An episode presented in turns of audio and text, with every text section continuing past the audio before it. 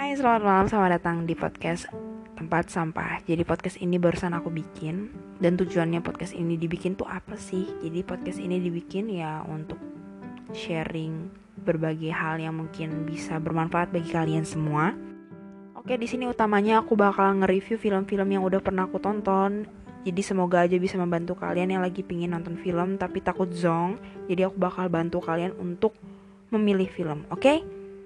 Oke untuk setiap minggunya di podcast tempat sampah ini aku bakal nge-review satu film dan ini bisa berbagi genre ya aku review. Jadi bagi kalian yang pingin banget ngedengerin review tentang film-film, kalian bisa banget untuk dengerin podcast aku. Oke, jangan lupa didengerin.